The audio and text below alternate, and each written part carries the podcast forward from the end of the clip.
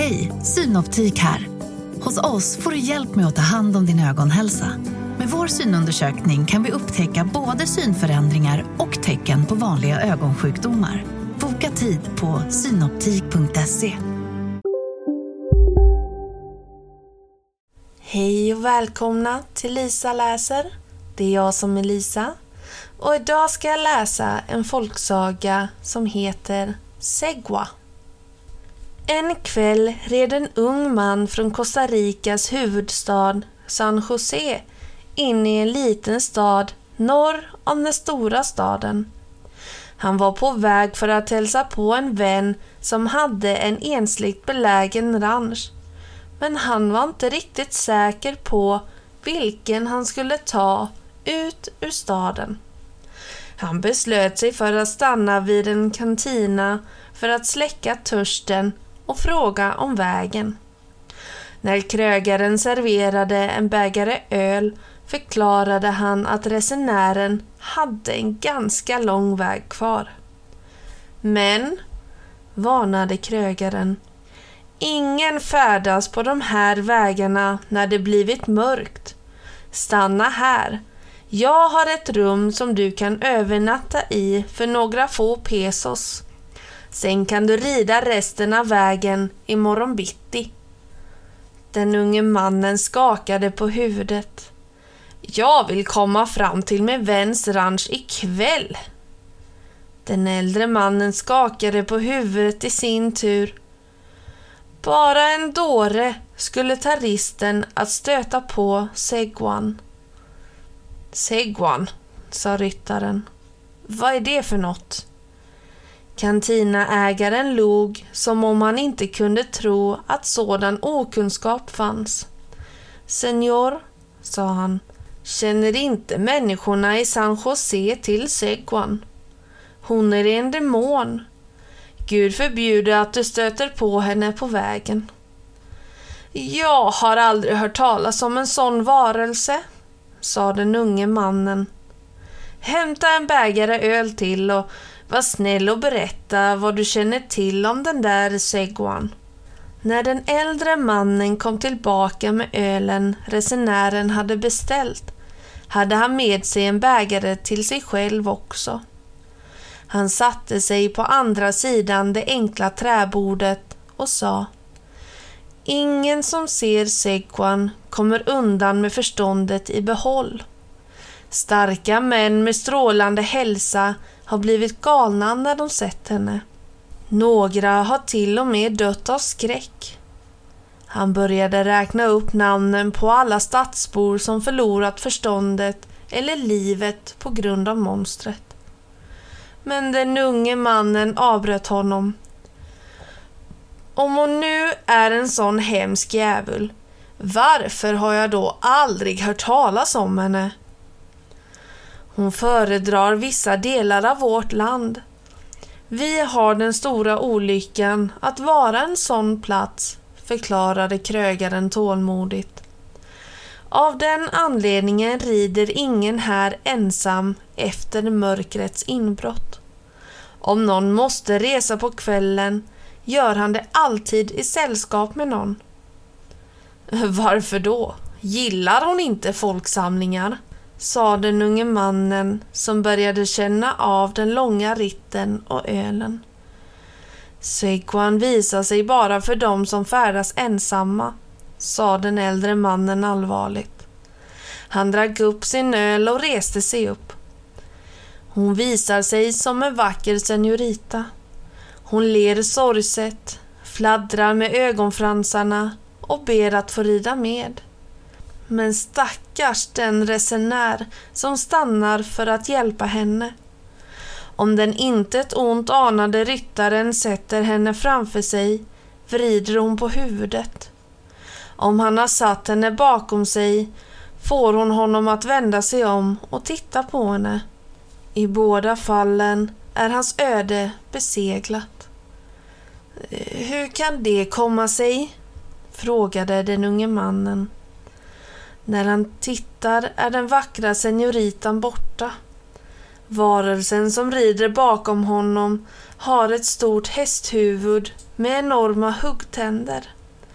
Ögonen är röda som brinnande kol och andedräkten stinker av svavel. Med en väsning sticker hon sina klor i ryttarens axlar och hänger sig fast som ett vilt djur.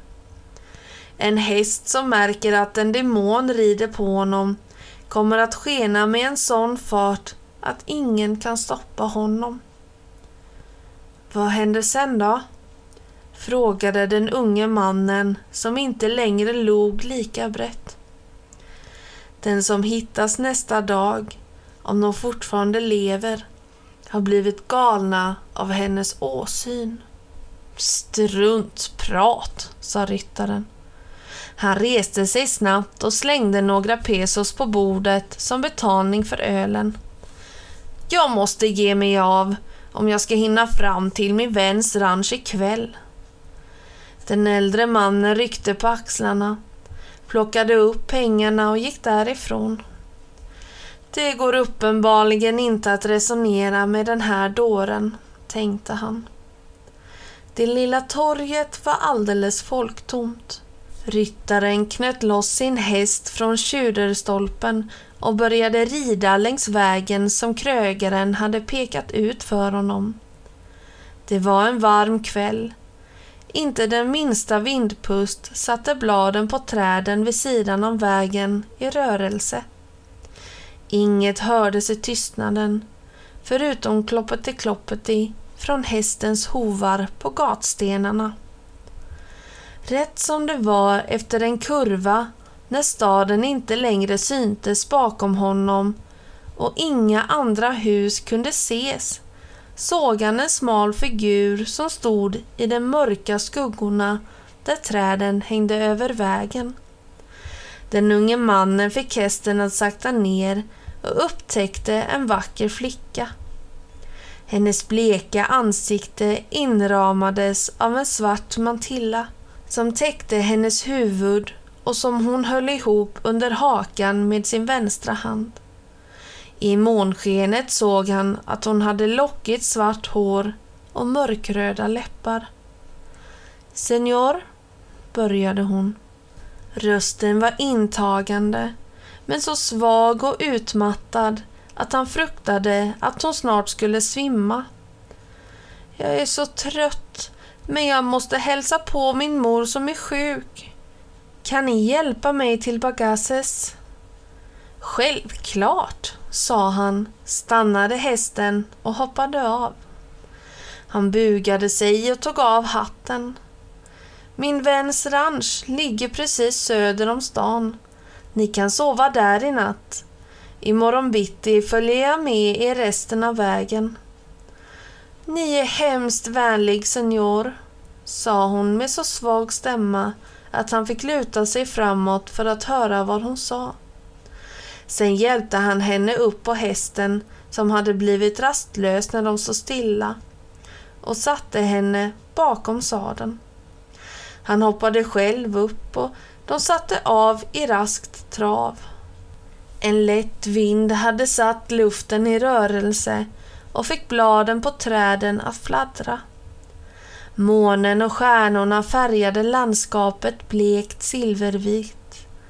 Flera gånger försökte resenären samtala med kvinnan, men hon svarade inte. Hon bara lutade sitt huvud mot hans rygg och höll fast i hans axlar med händerna som om hon var rädd att svimma och ramla av hästen. Plötsligt började hästen helt utan anledning att galoppera. Kvinnan körde fingrarna djupt in i hans axlar. Hon var helt klart rädd för att ramla av. Den unge mannen var för artig för att påpeka att hennes naglar trängde in i hans skinn. Hästen skriade och galopperade längs den mörka vägen som om något hemskt jagade dem. Resenären slet i tyglarna och skrek, men det hjälpte inte. Hästen galopperade bara fortare. Plötsligt kände han hur rakbladsvassa tänder bet honom i nacken. Det var bara rockkragen som räddade hans skinn från att punkteras. I nästa ögonblick hörde han ett skrik som inte kom från en mänsklig strupe. Samtidigt som de hemska tänderna slet bort en bit av hans krage. Han virade tyglarna runt ena handens fingrar och med sin fria hand försökte han bända loss fingrarna som höll tag i hans axel. När skuggorna sedan månljuset och sen skuggorna igen gled över hästen och de två ryttarna såg den unge mannen att fingrarna som höll i honom var för bleka. De var vita som benknotor och inte som ljus hud. Han hörde ett nytt vrål och kände lukten av varelsens vidriga andedräkt. Han kände hur han blev allt svagare medan de beniga fingrarna som slet i honom verkade bli starkare. Tänderna högg honom i nacken och den här gången började blodet rinna. Då såg han vännens ranch framför sig. Han tyckte sig höra hundarna skälla för att tala om att han var på väg. Ljuset var tänt i haciendan. Han såg gestalter med facklor i händerna komma springande mot honom på vägen. Det hördes ett sista öronbedövande skrik från demonen bakom honom. Han kände hur han slets bakåt. Handen som var invirad i tyglarna rycktes tillbaka vilket fick hästen att stegra sig och sen falla åt sidan. Båda ryttarna ramlade av hästen. Den unge mannen förlorade medvetandet en stund. När han kvicknade till såg han sin vän med en fackla i handen. Vännen tittade på honom och frågade hur det var med honom. Han nickade och darrade fortfarande efter sitt nappatag med döden. När han kände med handen på det svidande såret i nacken fick han blod på fingrarna. Han såg sig omkring, men allt han kunde se var vänliga lantbor som tittade på honom. En av dem lugnade hans häst som var på fötter igen. Var är den varelsen? frågade han sin vän. Vilken varelse? Seguan. Min vän, skrattade den äldre mannen. Du stannade nog för länge på någon kantina. Seguan är något man skrämmer barn med och inget mer.